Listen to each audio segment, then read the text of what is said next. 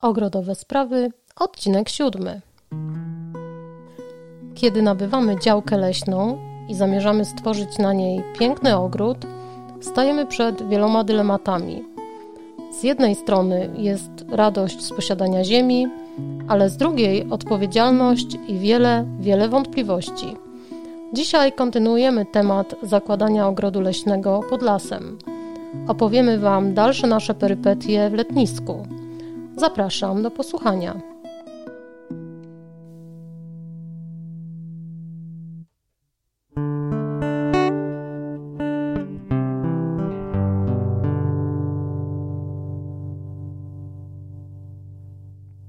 Cześć, Milena Pruś, Ogrodowe Sprawy. Dzisiaj wraz z moją mamą Natalią Dzień dobry. kontynuujemy temat zakładania ogrodu leśnego na działce pod lasem. W ostatnim odcinku opowiadałyśmy Wam o części prac, jakie tam zrobiłyśmy, między innymi o wycince suchych drzew, sadzeniu roślin, sianiu trawy czy rozbiórce starego grilla. Opowiadałyśmy też o rozbiórce altany i o tym, jak radziłyśmy sobie z podlewaniem nowych nasadzeń w momencie deficytu wody. Dzisiaj opowiemy Wam o kolejnych pracach, które są już za nami, ale także co nowego planujemy w naszym ogrodzie. Za nami jest już wyznaczenie i wykonanie większości rabat. Tam, gdzie nie dało się wjechać kosiarką, zakładałyśmy w pierwszej kolejności nasze nasadzenia. Tam przywoziłyśmy całe bagażniki roślin i w dalszych częściach ogrodu później zakładałyśmy kolejne rabaty. Mamy ciągle jeszcze dużo pola do popisu. Rozpędzamy się, będziemy ciągle sadzić i sadzić. I jesteśmy teraz na takim etapie, że na rabatach już założonych będziemy dosadzać, aby było gęściej, po to, żeby nie było chwastów, a na nowych będziemy testować zupełnie inne rośliny. Mamo, co ty chcesz posadzić w letnisku w tym sezonie? Ja chciałabym, tak mi się marzy, chciałabym posadzić e, właśnie trawy, ponieważ trawy pięknie wyglądają i zimą, i latem.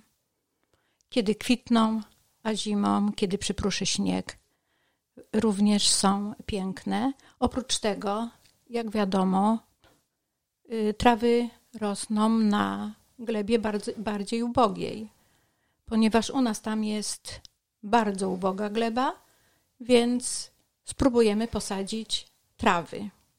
Mam nadzieję, że nam się to uda.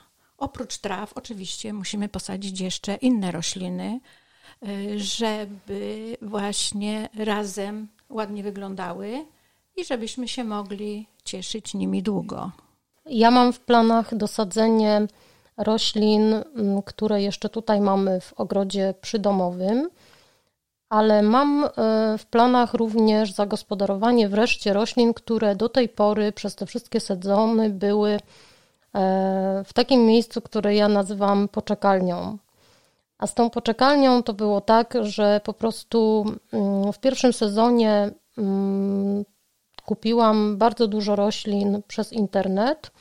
One oczywiście nie mogły tam przyjechać, no bo tam zazwyczaj nikogo nie ma, więc przyjeżdżały tutaj do nas pod Kraków i dopiero jak tam jechaliśmy, to zabieraliśmy je.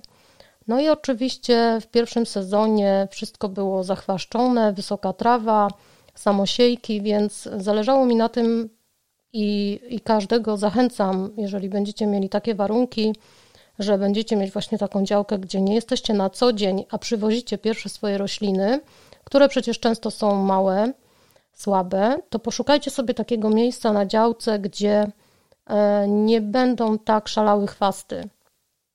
U nas to było mm, przy granicy z sąsiadem pod modrzewiami. Oprócz tego tam jest y, jeszcze cień, co powoduje, że te rośliny czują się tam jako młode lepiej.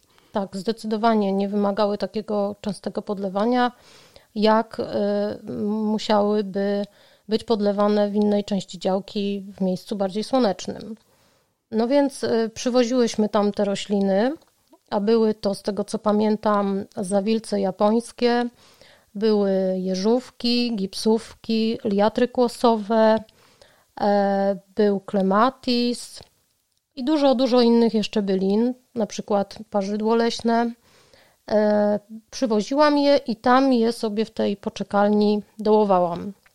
Były na oku. Nie groziło im to, że zostaną skoszone kosiarką razem z jakimiś tam chwastami czy um, trawą. I wydawało mi się, że to będzie doskonałe miejsce, bo właśnie blisko domu, blisko um, do wody.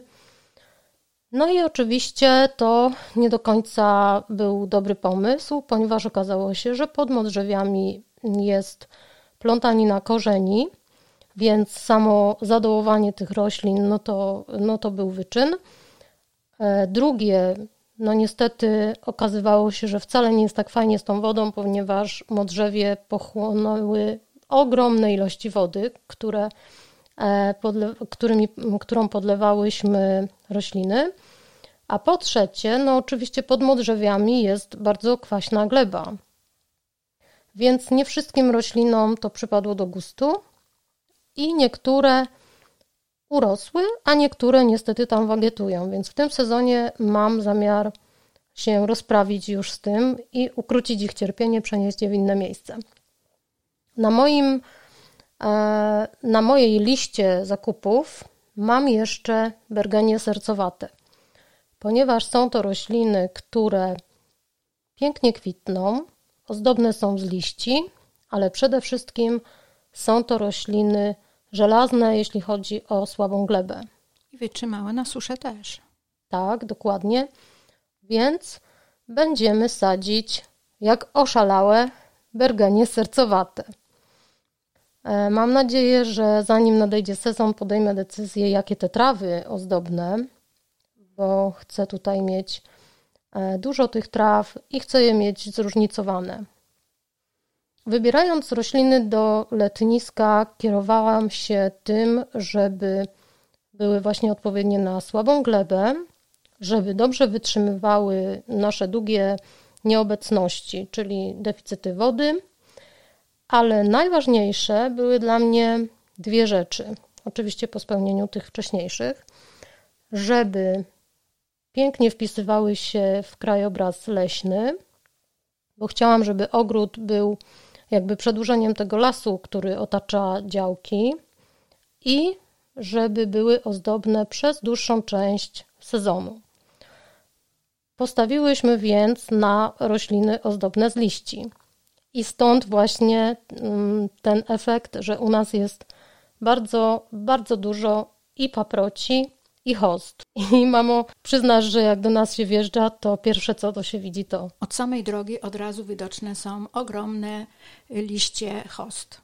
Są to hosty duże, ciemnozielone, mają się tam dosyć dobrze już od kilku lat. Yy, mamy też hosty biało-zielone, mamy hosty yy, Cement substance o żółtych liściach. Żółtych liściach. Takich dużych. I te o żółtych liściach właśnie, pomimo, że jest ich mniej, to jednak są to bardzo widoczne z daleka i one, im, wydaje się, że im jest tam właśnie najlepiej. Radzą sobie dobrze, tak. Bardzo dobrze sobie tam radzą w porównaniu z tymi drugimi. Te drugie to Blue Angel. I rzeczywiście mm, dobrze ci się wydaje, bo ja mam takie samo spostrzeżenie, że mimo, że rosną na jednej rabacie obok siebie i Blue Angel i Cement Substance, to te o niebieskich liściach e, nie przyrastają tak mocno i nie mają takich ogromnych liści jak te Cement Substance, a przecież mają te same warunki. Na jednej z naszych górek e, mamy istny wysyp hosty Patriot. To jest moja ulubiona hosta, mimo że nie ma największych liści, to uważam, że ma przepiękne te liście i dlatego mam jej tam dużo. Cały czas e, rozmnażam ją, rozcinam, dzielę i dosadzam i dosadzam, i dosadzam. Bardzo, bardzo szybko przyrasta. W ciągu roku przyrasta bardzo szybko. W następnym sezonie można już ją e, rozciąć, przenieść w inne miejsce. Są to przepiękne hosty, bardzo wcześnie dają tak, taką biel, dużo tej bieli przy zielonej trawie. Widać z daleka. Właśnie te hosty się tak odróżniają, bo jako młode są bielutkie na brzegach. Bardzo ładnie też kwitną. Ja je bardzo, bardzo lubię. A y, tamten sezon, mam na myśli tutaj lipiec, y, sprawił, że, który był bardzo mokry, sprawił, że bardzo ładnie skorzystały z tej wody i się rozrosły. Po raz pierwszy, odkąd tam są, miały liście naprawdę nawodnione, duże, jędrne. Soczyste, zielone, tak, piękne. Były. Tak, ten lipiec e, deszczowy dobrze im zrobił. Kolejną pracą, e, jaką tam wykonaliśmy, ale jeszcze nie do końca, bo myślę, mam nadzieję, że w tym sezonie skończymy, to było adaptowanie dawnej wozowni na dzisiejszą altanę. Bo jak e, rozebraliśmy starą altankę, która była bardzo mała i śmialiśmy się, że przypomina przystanek autobusowy, i na dodatek miała bardzo niską ściankę kolankową i jak się do niej weszło, to trzeba było mocno się schylać tam przy końcu tej altany. I jak ją rozebraliśmy, została nam wozownia, w której mm, dziadek trzymał swoją bryczkę i konia, którego sprowadzał e, sobie, jak przyjeżdżał do tego domu, e, ze stadniny i po jego śmierci została nam ta wozownia, którą postanowiliśmy zamienić na altanę. Jak wiadomo, wozownie są duże, bo bryczki są duże i konie są duże, więc e, my mamy teraz dużą altanę. W tym sezonie mam nadzieję, że ją wymalujemy. Ułożymy na podłodze płytki chodnikowe, bo E, do dzisiaj mamy żwir, który nie sprawdza się zbyt dobrze w warunkach takich leśnych, bo jak wiadomo, do tego żwiru wiatr nawiewa liście, igliwie, jakieś nasiona i niestety nie wygląda to dobrze.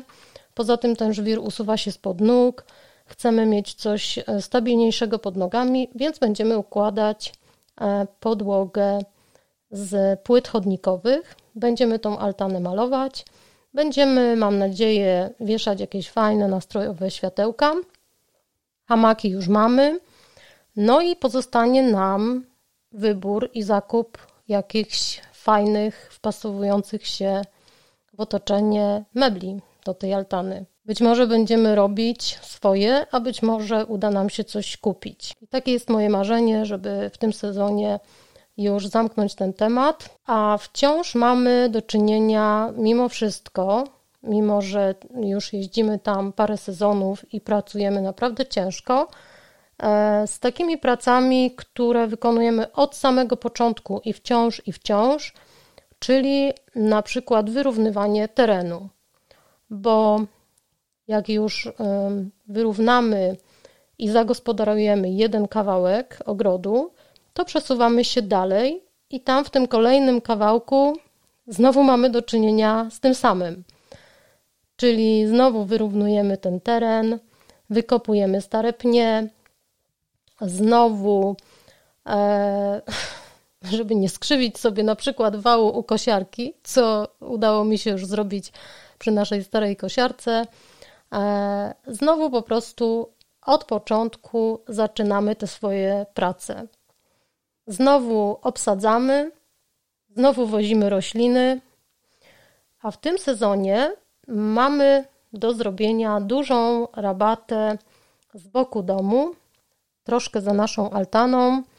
Tam mamy już nasadzone w łuku hortensje ogrodowe i teraz będziemy kontynuować nasadzenia. Chcemy tam posadzić hosty, ponieważ tak. to jest pod lasem, jest tam dosyć wilgoci, nie ma dużo słońca i właśnie myślimy, że te hosty w towarzystwie z hortensjami będą wyglądać bardzo ładnie i będą się czuły bardzo dobrze. Tak, do hortensji ogrodowych będziemy dosadzać host e, właśnie tych Blue Angel, które e, rosły nam pod octowcami. O tym opowiadałyśmy we wcześniejszym odcinku, ale niestety octowce przewróciły się po lipcowych ulewach. Dwie sztuki octowców padły, no i niestety nie będzie już cienia dla tych host.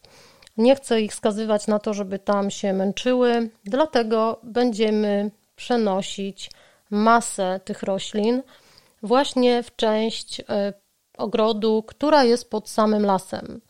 Będzie tam mokro, będzie tam cień i myślę, że w takiej dużej masie musi to wyglądać przepięknie. A jedną mm, stronę tej rabaty od tyłu łukiem będą zaznaczały piękne białe hortensje ogrodowe. Mamy tam jeszcze, mamo, nie możemy zapomnieć o tym, że mamy tam jeszcze niestety podkłady kolejowe z rozebranego starego molo. Na podkłady kolejowe też mamy y, swój pomysł. Tak. Ponieważ to są już y, takie podkłady stare, mm, już takie, które w pewnych miejscach są takie przegnite, dziurawe, więc myślimy o tym, żeby te miejsca zapełnić lekko ziemią i posadzimy tam rośliny, aby przykryć te podkłady. Myślimy o bluszczach, myślimy o jakichś miniaturkowych y, paprotkach. No oczywiście bluszcze już są poszczepione, już są przygotowane, czekają na wiosnę.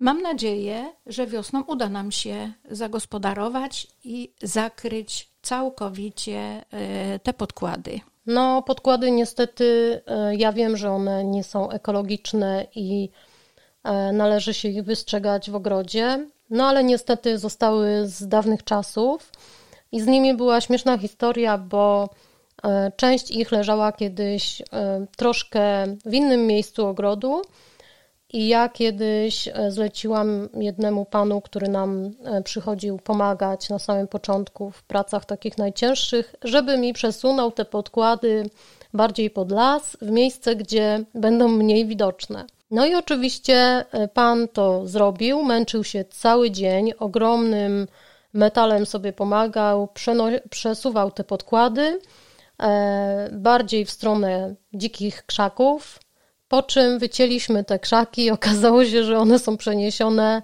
e, w bardziej widoczne miejsce. No więc, żeby już drugi raz ich nie przenosić, no zostały, ale są złożone mm, bardzo ładnie, więc zajmują mało miejsca.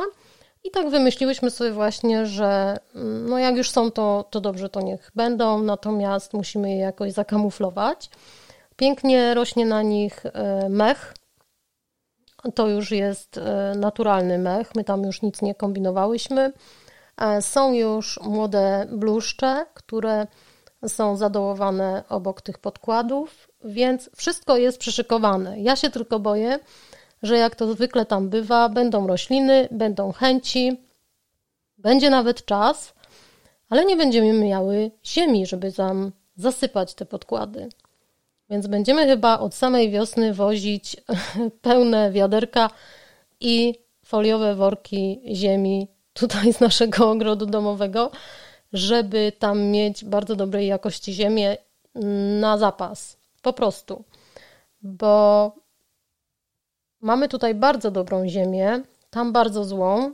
I o ile udało mi się już tam wyprodukować duże ilości ziemi kompostowej, no to jak wiadomo, ziemia kompostowa powinna być mieszana e, z ziemią ogrodową, bo sama ziemia kompostowa, no to niestety ona e, szybko wysycha, no i to jest trochę za mało dla roślin. Więc będziemy w tym sezonie dla odmiany oprócz roślin wozić jeszcze ziemię. Dobrze, że e, już nie mam do dyspozycji tylko mojego małego Peugeota, ale mam, mamy drugi samochód kombi, więc to kombi oprócz wózka dziecięcego będzie woziło jeszcze wiadra ziemi. no i takie mamy plany.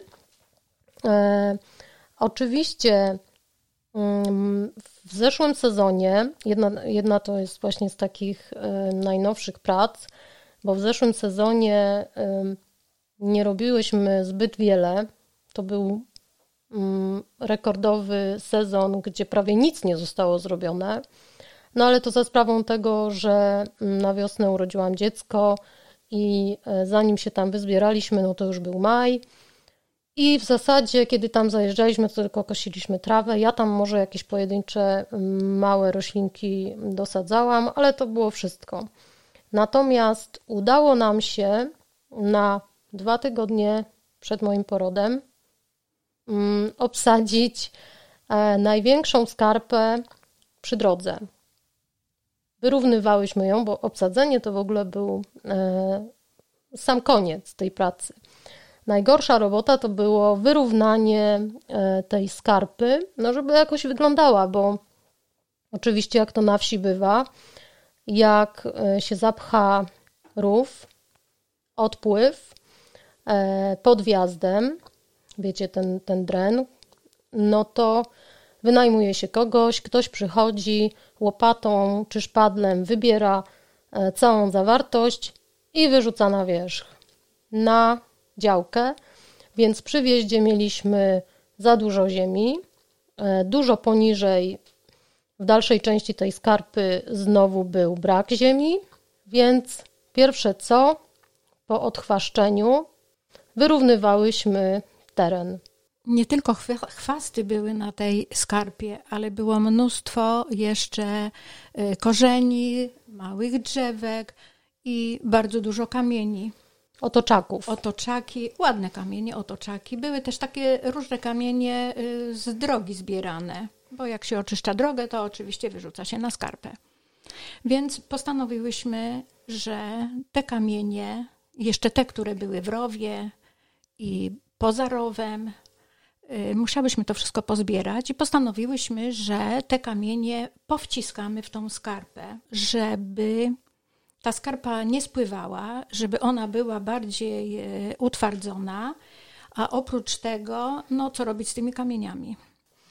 Wszystkie te kamienie próbowałyśmy tam, gdzie się dało, gdzie było niżej, e, gdzie było wolne miejsce, oczywiście nie jedno przy drugim, bo przecież e, między kamienie muszą być wsadzone rośliny. Przystąpiłyśmy właśnie do wyrównywania skarb. Najpierw szpadlem, Górki były zbierane. Były spychane do rowu, bo my mamy rów e, taki wypełniony betonowymi rynienkami, więc tam, gdzie był nadmiar ziemi, to ścinałyśmy i to wpadało do tego rowu, ale dzięki tym rynienkom łatwo było wybierać tą ziemię i przesuwać ją w inną część skarpy. Tak zajęło nam to cały jeden dzień. Cały jeden dzień wyczyściliśmy Dokładnie do gołej ziemi. Wszystkie, wszystkie chwaściki były wybrane, wszystkie korzenie. No więc e, jak te wariatki, spychałyśmy ziemię w rów, po to, żeby później zbierać ją w tym rowie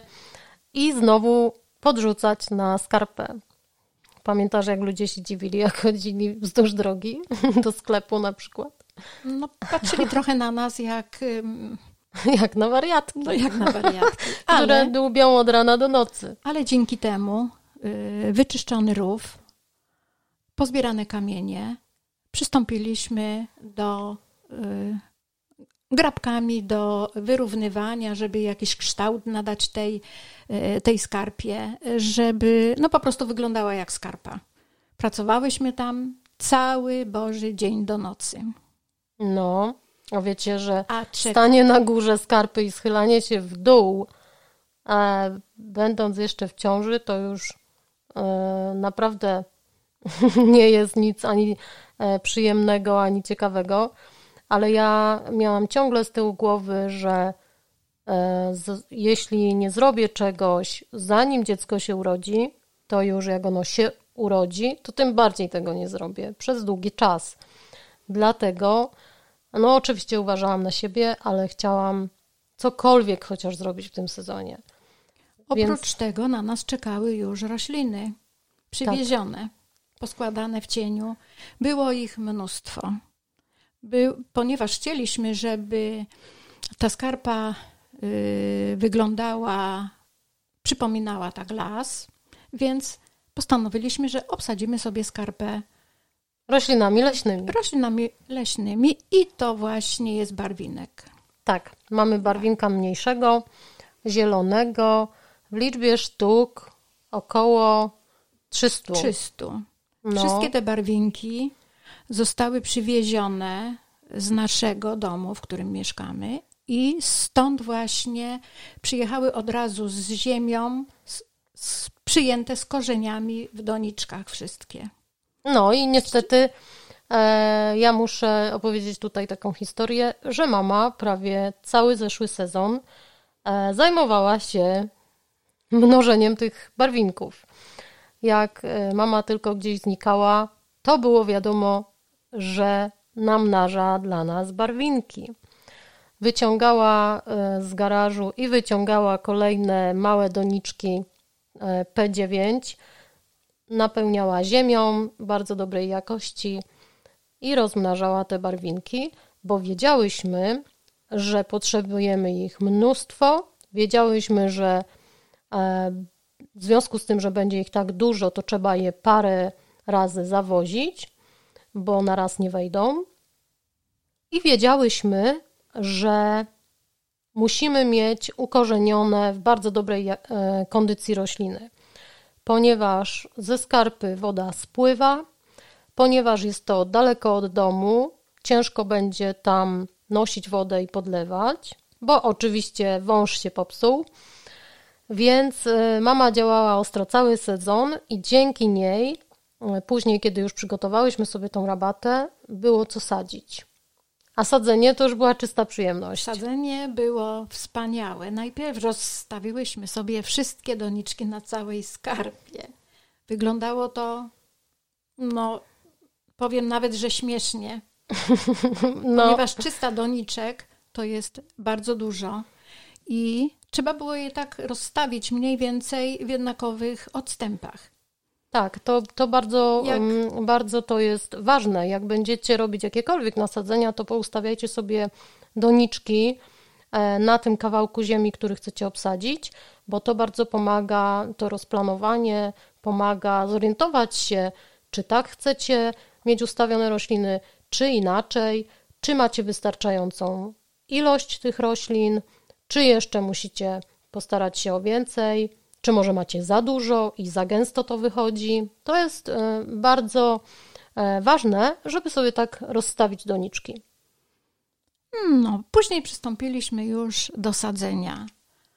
Nie powiem, że poszło to szybko, bo było tego dosyć dużo. Ale było ale, super miękko. Ale było miękko, ziemia była przygotowana świeża, więc małą łopatką dołek i od razu z doniczki z, z ziemią, która się trzymała korzeni do gruntu i przysypać i następne, i następne. Tak, barwinka się źle w ogóle sadzi, jeśli on nie jest y, sadzony z bryłą korzeniową z doniczki.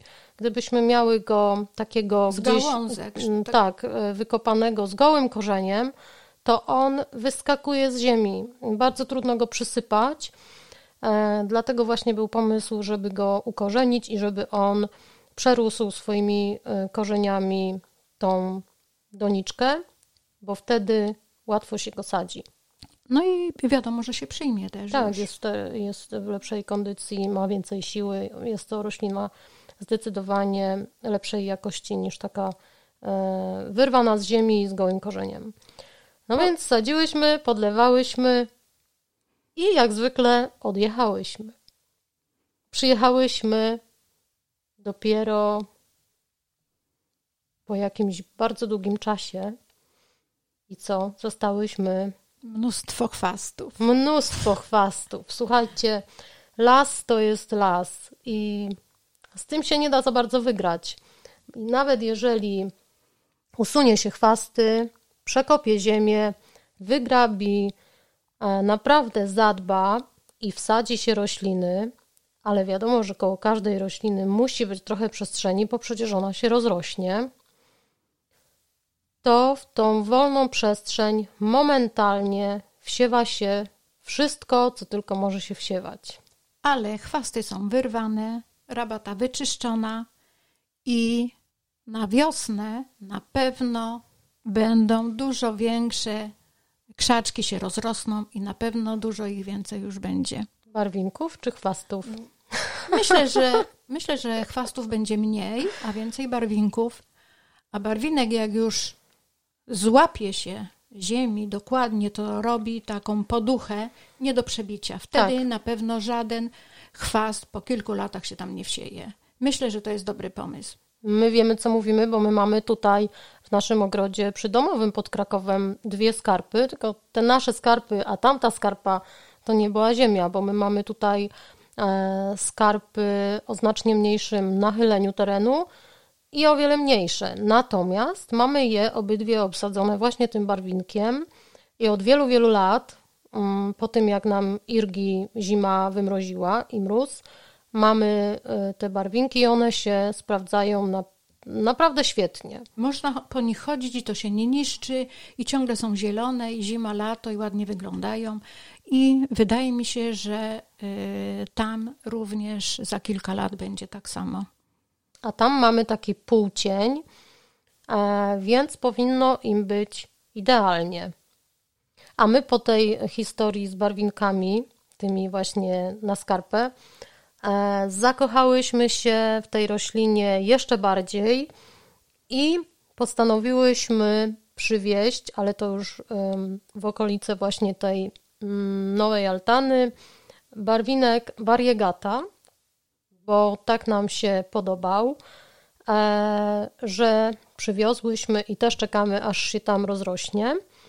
I przywiozłyśmy barwinek większy. Jest to przepiękny barwinek ma biało-zielone liście, sztywne, dosyć duże i oprócz tego przyrasta bardzo szybko. Tak, rozrasta się super. Mamy jedną roślinę, ale wypuszcza bardzo długie łodygi. Przyrastają mu się bardzo fajnie, więc no ja czekam, że jak tylko mu się poprzyrastają, poodcinam je na fragmenty, poprzecinam i w kilku Będę miejscach mieć. przysypane jest ziemią, to na pewno się przyrośnie, odetniemy i będziemy mieć więcej sadzonek. Mhm. Więc skoro już omówiłyśmy nasze barwinki, to opowiem Wam jeszcze o bardzo dużej, wykańczającej pracy, jaka tam została zrobiona z czyszczeniem stawu. Mama w tym nie uczestniczyła, więc ona nie będzie mogła powiedzieć, jak, jak to było, ale mam nadzieję, że um, opowie Wam, ale to za chwilę, jaki jest ten nasz staw, jakie robię wrażenie na każdym. Więc um, staw w letnisku jest usytuowany um, bardzo dziwacznie. Jak mój brat tam przyjechał, to się zdziwił, bo w zasadzie zajmuje sam środek podwórka. Jest e, duży, mm, jego kształt jest fajny, nieregularny, przez co wygląda naturalnie. E, I oglądając zdjęcie z drona, mm, uświadomiłam sobie, że jego kształt jest zbliżony do gruszki. E, ten staw ma swoją historię niesamowitą, więc ja może tutaj opowiem, będę się streszczać, ale muszę to powiedzieć bo to jest niesamowite. Bo um, zanim dziadek kupił działkę, to tego stawu nie było. Później, jak już kupił tą działkę, dowiedział się od ludzi, którzy tam mieszkali, że wcześniej był tam staw, ale właściciel, jeszcze wcześniejszy, żeby łatwiej sprzedać właśnie ten teren, zasypał staw. Uważał, że nowy nabywca mm, nie będzie chciał mieć działki ze stawem, więc ją zasypał na sprzedaż. No ale nowym nabywcą był dziadek właśnie, który jak się tylko dowiedział, że tam był kiedyś staw, no to po odczekaniu kilku lat, aż jego młodszy syn podrośnie, e, kazał odkopać ten staw. Staw pełni bardzo ważną funkcję, ponieważ przechwytuje całą wodę z lasu w czasie ulew. E, ta woda płynie naprawdę mm, szerokimi strumieniami do tego stawu i dzięki temu sąsiedzi z dołu nie są zalewani. Staw jest bardzo fajnie pomyślany, ponieważ oprócz tego, że jest naturalny i ma e, dostawy wody z lasu, to również jest przelewowy, tak żeby nadmiar wody nie wylewał się na działkę. E, to ten nadmiar wody jest odprowadzany rurą poza działkę do rowu i ucieka wzdłuż drogi na sam dół. Bardzo dobrze to jest naprawdę zrobione i jak to nasz sąsiad mówi, jedna z niewielu rzeczy, które tam są super zrobione i dokończone. Ta, ten właśnie staw, który wcześniej miał jeszcze nad sobą molo z tych właśnie podkładów, no i otoczony jest cały mm, kamieniami. I nie są to kamienie wkopane w ziemię, tylko na betonowym fundamencie. Więc bardzo fajnie to wygląda, naturalnie, a zarazem zwiększa bezpieczeństwo, ponieważ myślę, że nie sposób nie widzieć tych kamieni i wpaść na przykład do tego stawu. E, ja bardzo lubię te kamienie. Któregoś dnia spędziłam przy nich, któregoś tygodnia spędziłam przy nich całe trzy dni, e, czyszcząc je z chwastów, odsłaniając je. I kiedy przyjechała znajoma do naszego sąsiada, zachwycała się tymi kamieniami chyba tydzień, bo e, rok wcześniej, kiedy u niego była, nie wiedziała w ogóle, że te kamienie tam są. Po prostu były tak zarośnięte, że nie było ich widać. Lubię sobie też usiąść na tych kamieniach, bo są duże i poobserwować rybki w tym stawie. Od zawsze są tam karasie ozdobne, e, te pomarańczowe rybki, które u nas, niektóre są całe pomarańczowe, niektóre są śmiesznie łaciate. I w związku z tym, że, że one tam są, a ja któregoś dnia stwierdziłam, że no to jest jakiś absurd, że można sobie siedzieć przy stawie i wiedzieć, że tam są te rybki, a w ogóle ich nie widzieć, bo tafla wody jest zarośnięta całkowicie przez rośliny i nie widać ani wody, ani żadnej rybki. Postanowiłam, że trzeba to wyczyścić. Mamy ponton, mm, za pomocą którego zawsze ten staw był czyszczony, więc nie namyślając się długo, weszłam do tego pontonu i zaczęłam wyciągać osokę aloesowatą e, z, z wody. Szybko okazało się, że osokę trzeba brać głęboko, a nie za sam czubek, bo urywają się liście, a roślinę trzeba wyciągnąć całą, żeby to miało sens. Więc wyciągałam te rośliny, pakowałam do worka foliowego, takiego na gruz i kiedy był już pełny, rzucałam ten worek na brzeg. Reszta rodziny odbierała i zawoziła taczką na kompost. I tego właśnie dnia, nie pamiętam jaki to był miesiąc, ale no pewnie wakacje, bo było bardzo ciepło, czyściliśmy ten staw cały dzień. We trzy osoby. Ja w pontonie, a moi chłopcy na zewnątrz, wywożący tę e, całą materię wybieraną ze stawu. W międzyczasie rozpętała się burza.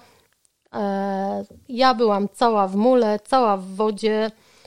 E, na przemian marzłam i gotowałam się, bo byłam też rzeczywiście w jakimś kombinezonie, żeby e, nie złapać jakiegoś kleszcza. No i tak czyściliśmy ten staw, i kiedy już wydawało mi się, że E, jest cudnie odczyszczony. Poszliśmy spać, bo zeszło nam cały dzień i rano zrobiłam sobie kawę i poszłam nad staw oglądać rybki.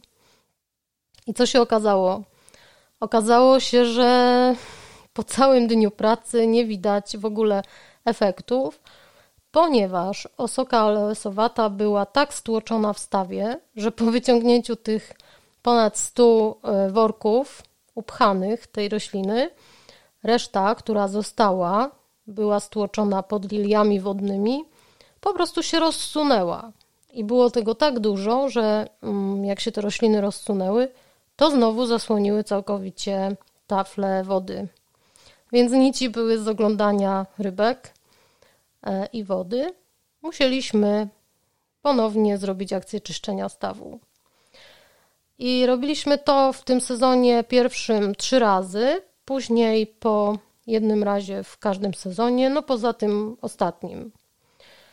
Muszę przyznać, że zawsze zostawialiśmy trochę tej osoki, bo wiadomo, jest to roślina wodna, która czyści wodę i do tej pory i ona, i inne rośliny wodne, które tam rosną, super działały na ten staw i na tą wodę, bo nigdy, ale przenigdy nie mieliśmy problemów ani z żadnymi glonami, ani z żadnym brzydkim zapachem zestawu. Nigdy nie mieliśmy brudnej wody, bo przecież nabieramy zestawu w czasie suszy wiaderkami, konewkami i podlewamy rośliny i naprawdę to jest tak czysta woda, że wygląda prawie jak z kranu. Więc wodę mamy czystą, staw nie śmierdzi, wszystko wygląda cudnie przez te rośliny, ale niestety no, one są inwazyjne, więc ym, chcąc mieć staw, trzeba pamiętać o tym, żeby co sezon po prostu odławiać nadmiar tych roślin. No a my mieliśmy jeszcze e, problem z brzegiem, nie tylko oczyszczenie tafli wody, ale i w brzegu mieliśmy wsiane mnóstwo dereni, mm, małych różnych klonów, jesionów, e, dzikie jeżyny. Do tej pory ten dereń odbija i odbija. No i mieliśmy jeszcze chwast ostrożeń. Tego ostrożenia nie mogłam się pozbyć, aż któregoś dnia wydałam mu wojnę i ubrana w kalosze, uzbrojona w szpadel, weszłam poza te kamienie na brzeg i po prostu w takiej podmokłej ziemi kopałam i kopałam, wykopałam ogromny dół i wyciągnęłam z niego ogromną roślinę z ogromnym korzeniem i od tej pory go nie ma. Ale musiałam przywieźć całą taczkę ziemi, żeby to, e, tą dziurę zapełnić ziemią i wyrównać ten brzeg. Natomiast no, staw jest cudowny i nigdy, przenigdy chyba z niego nie zrezygnujemy. Uważam, że to jest bardzo duża atrakcja tej działki. Odpoczywamy sobie przy stawie, bierzemy sobie popołudniową kawę i idziemy sobie nad staw. Tam jest jeszcze cieplutko do samego wieczora i obserwujemy rybki, obserwujemy jeszcze, tam jest mnóstwo owadów różnych. Y, tam jeszcze przychodzą ptaki, siadają sobie właśnie na tych kamieniach y, i można je zauważyć i wieczorem, i rano. No, oczywiście można, jak czasem jest szczęście, zauważyć nawet małą albo dużą sarnę. No, przychodzą sobie przychodzą sobie i może się napić, może popatrzeć, może odpocząć. Bardzo często sobie tam stoją pod tym dużym dębem. Tak, nad ranem. Lubią przyjść sobie nad ranem z lasu. Mm, a propos jeszcze ptaków, to po tym wyczyszczeniu mm, stawu z tej osoki stwierdziłam, że teraz nasze rybki odetchną, teraz e, będą miały gdzie pływać, no bo przecież ta osoka ma pod wodą mnóstwo korzeni, więc stwierdziłam, że teraz one będą miały dużo miejsca do życia, będą szczęśliwe, będzie im się tam super pływało. Po czym po pierwszym sezonie od oczyszczenia okazało się, że naszych rybek jest może jakaś jedna dziesiąta. W momencie, kiedy wyjmowaliśmy tą osokę, rybek było tak dużo, że miałam wrażenie, że tej wody prawie tam nie ma, że, że po prostu rybka przy rybce. Nawet zrobiłam jakieś zdjęcia i wrzucałam na Facebooka. E, pamiętam, że nie mogłam się nadziwić, jest ich tak dużo jest ich tam tak gęsto, no po prostu jak zupa z ryb. Tak to wyglądało. Po czym e, po oczyszczeniu tego stawu mm, na końcu sezonu okazało się, że rybek jest bardzo, bardzo mało. Były podejrzane koty sąsiadów, ale tak sobie pomyślałam, że przecież nie, niemożliwe, bo jest ich tam może, może dwa, może trzy te koty, więc e, nie zjadłyby tyle rybek. E, w związku z tym, że to jest ogród, gdzie na co dzień nikt, nie, mm, nikt tam nie dogląda i nikt tam nie mieszka, no to e, stwierdziliśmy, że no po prostu odsłoniliśmy i ktoś sobie przyjechał i odłowił. E, nie podobało mi się to za bardzo, bo do tej pory nie mieliśmy tam żadnych problemów. Mm, no ale stwierdziłam, no to trudno. Aż tu któregoś dnia, e, po tym jak wstałam bardzo wcześnie rano, do dzisiaj się dziwię, jak to jest możliwe, bo ja nie wstaję tak rano. E, między czwartą a piątą wyszłam z domu, lato, cieplutko już, widno i poszłam sobie nad staw. Nie wiem, słuchajcie, ten staw ma coś takiego w sobie, że, ja, że tam jak się człowiek budzi, to od razu idzie nad staw. Z kawą, bez kawy, po prostu posiedzieć, popatrzeć na rybki, na żaby, na pływające za skrońce, ale od razu się tam idzie. Ja tak mam. Ja zawsze tam rano idę. I patrzę, idę w stronę tego stawu, zaspana, patrzę i nagle z nad lasu nadlatują dwie dzikie kaczki i one wodują na naszym stawie porybki. No i wszystko się okazało. Kto jest odpowiedzialny za spustoszenie naszego stawu i za to, że nasze e, rybki muszą teraz przez chwilę się odradzać. Albo chować. Albo chować, bo mają gdzie się chować. Mamy piękne lilie wodne. Pamiętam, że to była duma dziadka. E, jak przyjeżdżaliśmy do niego, to mówił, cieszył się, kiedyś mi opowiadał, że nabył żółtą lilię. No niestety nie widzę jej do tej pory. Mm, natomiast jest bardzo dużo białych i różowych. No i zaczyna się z nimi robić taka sama sytuacja jak z osoką aloesowatą, że one e, po prostu tak się namnożyły, że jest ich już, wydaje mi się, trochę za dużo. No i no przecież nie będę ich wyrzucać. Muszę znaleźć jakiegoś nabywcę, albo się zamienić na inne rośliny, albo dać w prezencie. Nie wiem, ale e, jeszcze jeden sezon, dwa i znowu nie będzie widać wody, ale są piękne. Kolejną bardzo ważną pracą, jaką wykonujemy od samego początku, od e, pierwszych nasadzeń, e, to jest ściółkowanie rabat. Nie robimy tego na każdej rabacie, ponieważ e, część nasadzeń jest na naszych górkach, więc to wszystko by spłynęło. Część jest na skarpach, więc tam też tego nie robimy. Natomiast na rabatach, które są na płaskim terenie staramy się ściółkować od samej wiosny do samej jesieni skoszoną trawą. Przy każdym koszeniu trawy rozkładamy ją.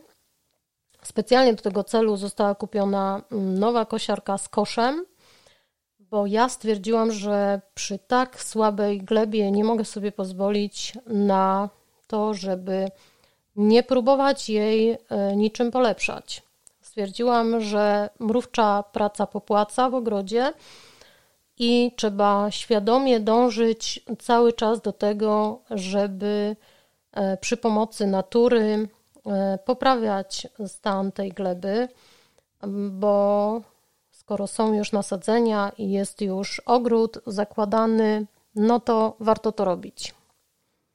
Więc my za każdym razem, jak kosimy trawę, to nie popuszczamy i każdy kosz ląduje między nasze hosty i paprocie. Śmiesznie to wygląda, bo i paprocie i hosty są zielone i skorzona trawa jest zielona, więc jak wyściółkujemy, to po prostu jest jedna zielona masa. Nie odróżniają się w ogóle rośliny ozdobne od koloru ziemi. No ale, ale robimy. Po kilku dniach ta trawa robi się brunatna. Trzeba ją tylko y, rozłożyć równomiernie, także z kosza wysypujemy na taczki, taczkami podjeżdżamy pod rabatę, rozkładamy równomiernie, y, pod, bezpośrednio pod hosty, na całej powierzchni, po kawałku, coraz dalej, coraz dalej. Mamy nadzieję, że przez sezon trawa się rozłoży i na pewno zrobi się z niej ściółka. Której tam której do tej pory nie było, nie wiadomo. I która jest tam bardzo jest potrzebna. Możliwe. Tak. Przyszedł kiedyś do mnie sąsiad i mówi: Co ty się tak męczysz? Po co ty kosisz z koszem? Ja mulczuję. Nie masz funkcji mulczowania? Ja mu wtedy odpowiedziałam, że ja mam funkcję mulczowania, ale ja sobie nie mogę na to pozwolić, bo dla mnie każdy kosz jest naprawdę na wagę złota bo chwasty szaleją niemiłosiernie i aby je zwalczyć, trzeba być o krok przed nimi. Trzeba cały czas działać, bo mam wrażenie, że one tak jakby tylko czyhały na e, chwilę naszego lenistwa i moment przejmują kontrolę. Oprócz tego tam jest y, teren troszkę niski, to podniesie ta trawa nieco do góry. Y, oczywiście zabezpieczy przed chwastami, zabezpieczy przed wysuszaniem. No i za każdym razem, przy każdym koszeniu, trawa jest wykorzystywana właśnie w tym celu. A pamiętasz, jak nie miałyśmy jeszcze nowej kosiarki i przywoziłyśmy z naszego ogrodu tego mm, przydomowego starą kosiarkę w małym peżociku. Kosiłyśmy tą e, kosiarką. A trawa była do kolan. Do kolan. Ja mam zdjęcie. Przyjechałyśmy w połowie czerwca i trawa była do pasa. Bo do kolan to była tam, gdzie jest jakiś półcień, natomiast tu, gdzie jest najwięcej słońca, no to była do pasa. I jak na złość miałyśmy popsute e, kółko przy taczce, więc taczki nie, uda, nie dało się używać, więc nosiłyśmy w takiej dużej miednicy z uszami, e, miednicy na pranie, tą trawę skoszoną, na te rabaty i ściółkowałyśmy. Mam takie zdjęcie na Facebooku. Ono jest naprawdę takie symboliczne. Także powoli, powoli jest coraz lepiej na działce, coraz mniej chwastów i uważam, że idzie ku za parę lat za parę lat skończy się problem z chwastami. Ja mam nadzieję, że wcześniej. A pamiętasz, jak kiedyś brakło nam naszej y, trawy? Zrobiłyśmy taką wielką rabatę, że nie Aś. mogłyśmy jej wyściółkować. I kiedyś jakoś zgadałyśmy się z sąsiadem, tym naszym bardzo fajnym sąsiadem, który zawsze nam pomaga, że e, ktoś tam w dole wsi ma traktorek, ma dużą działkę i przy drodze, która prowadzi do naszego domu, kilkaset metrów poniżej, wysypuje tą swoją piękną, skoszoną trawkę. Więc my, oczywiście wtedy nas jeszcze nikt nie znał, więc zrobiłyśmy skok na trawę. Wzięłyśmy taczkę i zjechałyśmy na sam dół tej stromej góry po tą właśnie trawę. Naładowałyśmy ile tylko się dało z czubkiem i naprawdę pod górę. Pod górę y, zasapałyśmy się strasznie, bo droga była wtedy jeszcze z płyt betonowych. No teraz się doczekaliśmy asfaltu, ale te uskoki na tych płytach i e, bardzo duże wzniesienie, bo jednak do nas naprawdę tam jest wysoko i stromo. To wszystko powodowało, że jak przywiozłyśmy na górę, to odpoczywałyśmy chyba pół godziny, ale w takim szczęściu i w takim poczuciu, wiecie, takiego łupu ogrodniczego, dużej wartości, że zaraz... Za... Że coś mamy, tak. co, nam, co, nam, jest bardzo potrzebne. Oprócz tego ta trawa była bardzo ciężka, ona już była taka... Yy, Dwudniowa. Taka już... Yy... Już tam yy, była zagrzana, już tam zachodziły różne procesy w niej. Tak. Nie była taka super świeża, ale to nawet lepsza. Dlatego właśnie, jak żeśmy rozsypały tą trawę, to zaścieliliśmy dosyć duży kawałek, bardzo żeśmy się ucieszyły, że jednak no chyba Warto dwie było taczki. iść. Pojechaliśmy drugi raz. Dwie taczki, tak. Drugą Teraz taczkę, mi się przypomniało. Drugą taczkę, jak przywiozłyśmy na samą górę, no to już wyściółkowana była cała rabata, tak z grubsza z pierwszego. No był nawet taki pomysł, sąsiad nam poddał pomysł, żeby iść do tego faceta od tego traktorka i powiedzieć, że skoro on wyrzuca gdzieś tam na nieużytki, to przecież może nam podwieźć na górę do ogrodu ale ja e, nie jestem zbyt śmiałą osobą, więc e, jakoś nie zrobiłam tego. Nie wiedziałam też kto, nie wiedziałam gdzie go znaleźć, e, więc skończyło się na tym, że kupiliśmy po prostu kosiarkę dużą, porządną z koszem i od tej pory wykorzystujemy swoją własną trawę. Ale wiecie co, powiem Wam tak. Jeżeli nie macie nic innego, to ściółkujcie trawą. Ale jeżeli macie dostęp do jakichś kartonów, to zalecam Wam i ja to będę wprowadzać w tym sezonie u nas. podłożenie mm, najpierw kartonu i później sypanie dopiero tej trawy. Ponieważ o ile trawa tłumi u nas e, chwasty, które wyrosłyby z ziemi, ona je tłumi, o tyle nie zatrzymuje chwastów, które wysiewają się na jej powierzchni.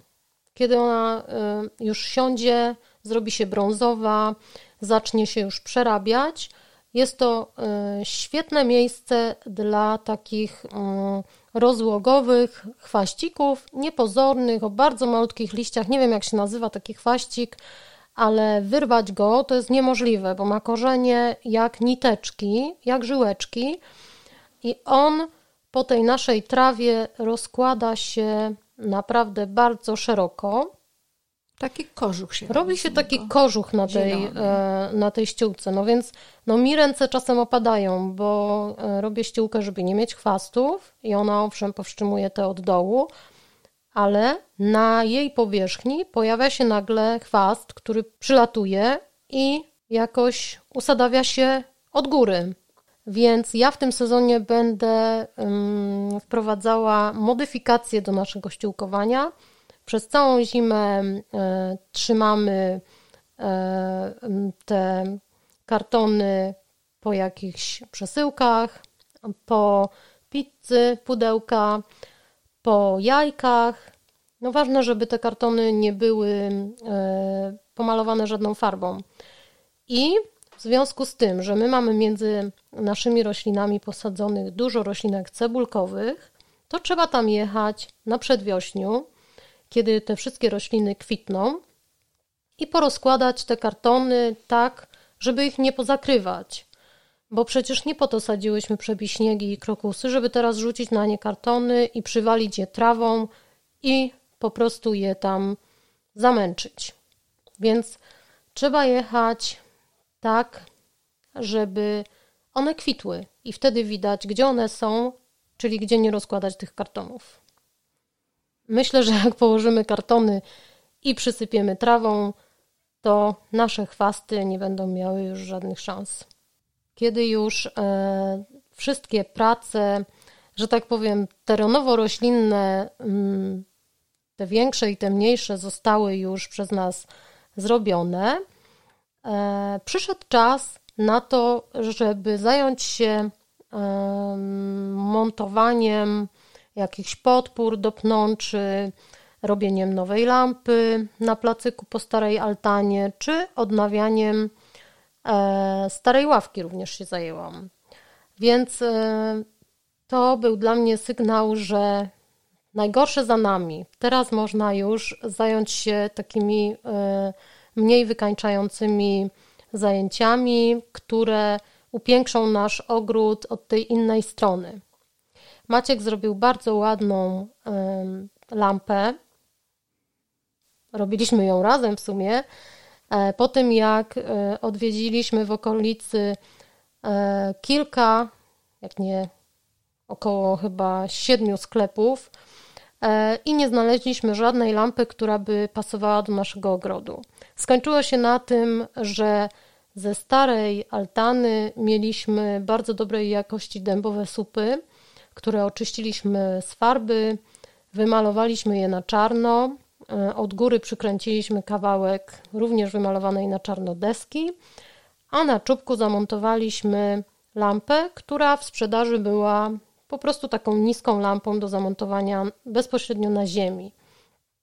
Również w kolorze czarnym e, z mlecznymi szybkami. Wyszło bardzo fajnie. E, jest to lampa, która ma na wysokość około 2 metrów Świetnie oświetla nam cały ogród i wykorzystaliśmy e, prąd, który był podłączony do starej altany. Więc bardzo fajnie udało się połączyć to, co nowe i to, co stare.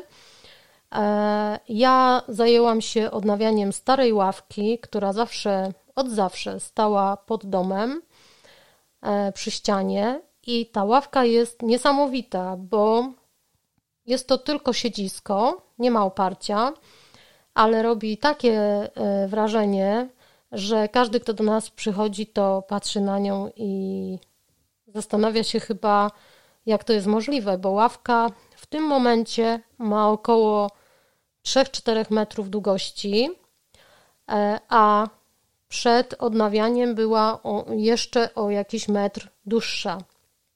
Ale była podniszczona z jednej i z drugiej strony, więc ją przycięliśmy, skróciliśmy około metr. E, mimo to jest bardzo długa, bardzo wygodna, bo szeroka, szerokie jest to siedzisko i ona cała jest zrobiona z jednej deski. Więc e, no wyobraźcie sobie, jakie kiedyś były dechy. Dzisiaj się już e, rzadko takie spotyka, więc ja stwierdziłam, że mm, trzeba po prostu ją odnowić.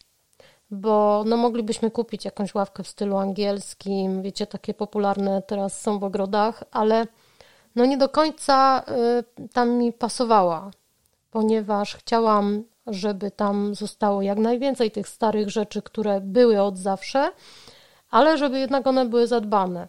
Ławka początkowo miała jakieś zacieki od y, wody, no bo stała tam, nie wiem, może 30 lat, a pewnie ma znacznie, znacznie więcej lat.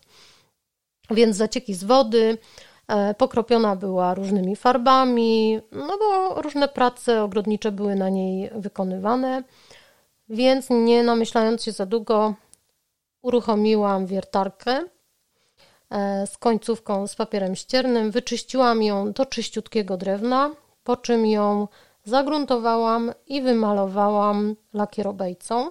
Po pierwszym sezonie okazało się, że ona musi być pokryta jeszcze lakierem od góry, ponieważ ta lakierobejca wsiąkła bardzo w tą ławkę i ławka nie była wystarczająco śliska z wierzchu, a ja chciałam, żeby łatwo się ją myło, żeby mm, była gładka w dotyku, piękna i trwała. Więc polakierowałam ją jeszcze sezon później i od tej pory nasza ławka lśni przy domu. Siedzimy na niej bardzo często. Ja bardzo, bardzo ją lubię. Mm, montowaliśmy też kraty na pnącza. I to jest już ostatnia praca, o której Wam opowiemy. E, kraty znaleźliśmy wkopane do połowy w ziemi, zarośnięte pokrzywami. E, na nie rzucona była jakaś stara siatka w między to wszystko były wsiane dzikie bzy, więc takie znalezisko, które odkryliśmy pod lasem, było dla mnie wielką, wielką sprawą. No i tak wierciłam Maćkowi dziurę w brzuchu, że musimy te kraty wyciągnąć, ale w związku z tym, że one są z takiego mm, bardzo grubego drutu żebrowanego, chyba tak się nazywa. No, generalnie wyobraźcie sobie takie bardzo mocne zbrojenie. Pospawana była i tak ciężka, że w dwie osoby, używając całej siły, nie mogliśmy jednej wyciągnąć z ziemi. Przyszedł pan, który nam pomagał przenosić te podkłady kolejowe, i w trójkę e, przetransportowaliśmy te kraty. Jedna dzisiaj stoi przy altanie, a jedna stoi z boku drewutni, tworząc jej boczną ścianę. Oczywiście, jak ja zobaczyłam te kraty, to już wiedziałam, że puszczę na nie powojniki. Powojniki, że puszczę na nie jakieś piękne pnącza. E, miałam dużo w głowie kandydatów. E, I tak się stało, że rzeczywiście na jednej są powojniki, a na drugiej są wiciokrzewy.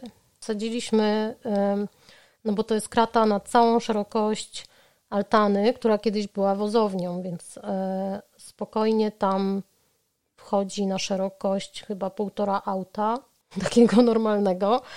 I ta krata jest po prostu od boku do boku, cały tył zasłania, więc tam weszły trzy klematisy. E, Jan Paweł, mm, jeden, który okazał się być pomyłką, e, chyba to jest pernil, ale nie jestem pewna. I jeszcze jeden, e, który jest malutki, ale mam nadzieję, że w tym roku, no bo dopiero zasadzony, albina plena. Bardzo, bardzo ładny. A z boku obok rośnie Paul Farges, powojnik, który jest nie do zdarcia. Słuchajcie, kwitnie przepięknie białymi gwiazdkami, rozrasta się w bardzo, bardzo szybkim tempie. E, nie trzeba go ciąć, bo ja wybierałam właśnie mm, pod takim kątem te klematisy, żebym nie musiała jeździć tam na przedwiośniu i ich przycinać, więc Paul Farges jest doskonałym wyborem, nie musi być przycinany, natomiast ja go w tym sezonie przytnę, bo e, no, on już jest gigantyczny. Wymknął się już spod kontroli. Już poszedł na dach. poszedł na dach. I pod dach. I pod dach, e, wszedł już wszędzie. Ale jesteśmy z niego bardzo, bardzo dumne, ponieważ osłania nas od strony i wiatru, i sąsiadów, i dzięki temu w altanie możemy się poczuć e, trochę pewniej, trochę bardziej u siebie. A z tym mm, powojnikiem jeszcze była taka historia, że zanim odkryliśmy te kraty, to wiedziałam, że go chcę mieć. Kupiłam go, mm, to były moje pierwsze zakupy w ogóle do letniska. Kupiłam tego Clematisa. Wiedziałam, że urośnie gigantyczny, ale stwierdziłam, że przecież altana jest też duża, więc będzie miał dużo miejsca.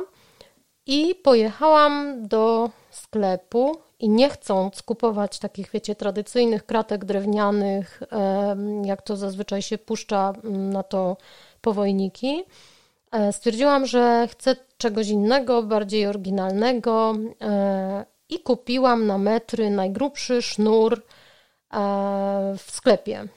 Taki wyglądający surowo, w beżowym kolorze.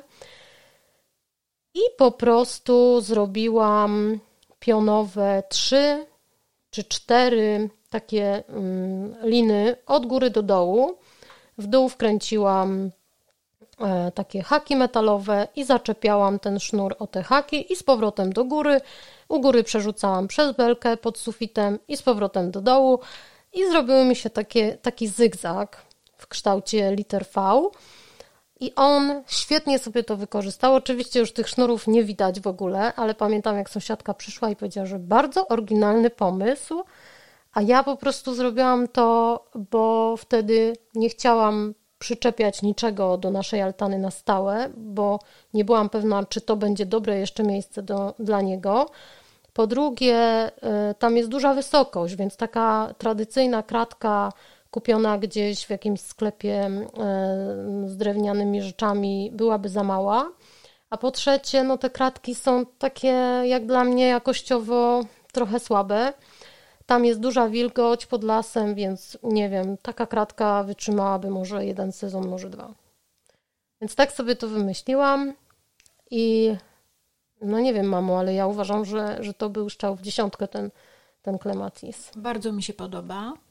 Nie tylko klematis, ale i to, jak się trzyma. Y, z tym, że musimy go troszkę na wiosnę przykrócić. No teraz bo... będziemy malować tą altanę, więc będzie świetny moment, y, żeby go skrócić, przyciąć y, właśnie mm, na czas tej pracy, a później... I z długości i troszkę z spędów, bo kładzie się już na, do, na dole na rośliny i przyciska ja go, ja go wytnę przy samej ziemi, bo jego można wyciąć przy samej ziemi i on bardzo szybko wystartuje ponownie. Trzeba go dobrze tylko poprowadzić y, po tych sznurach, pomóc mu po prostu i wtedy pójdzie już dobrze. Tak. A był zostawiony sam sobie i dlatego się tak zrobiło. No bo ja chciałam, żeby on naturalnie wyglądał. No ale był za ciężki. Za szybko urósł w ciągu jednego roku. Mi się tam podoba. Tworzy bardzo ładne tło dla hortensji ogrodowych, które posadziliśmy przy tej altanie, dla tawułek arensa, dla bodziszka biokowo. E, świetnie to wszystko tam razem wygląda i tam właśnie wokół tej altany mamy wyjątkowo dobrą ziemię. Po prostu ciemna, fajna, e, próchniczna, nie wiadomo skąd, ziemia. Tam mamy taką ziemię jak tutaj w ogrodzie, więc tam wszystko rośnie w szaleńczym tempie. Bardzo się rozgadałyśmy, ale Obgadałyśmy wszystkie prace, które zostały wykonane w letnisku w ciągu 4 czy 5 sezonów. Mam nadzieję, że ta audycja była dla Was ciekawa. Zapraszam na mojego Facebooka Ogrodowe Sprawy, na stronę ogrodowesprawy.pl, no i oczywiście na YouTube'a. Mam nadzieję, że po tych wielkich śniegach będę w stanie wrzucać dla Was bardzo ciekawe materiały. Dziękujemy za dzisiaj i pozdrawiamy serdecznie. Do usłyszenia. Do usłyszenia.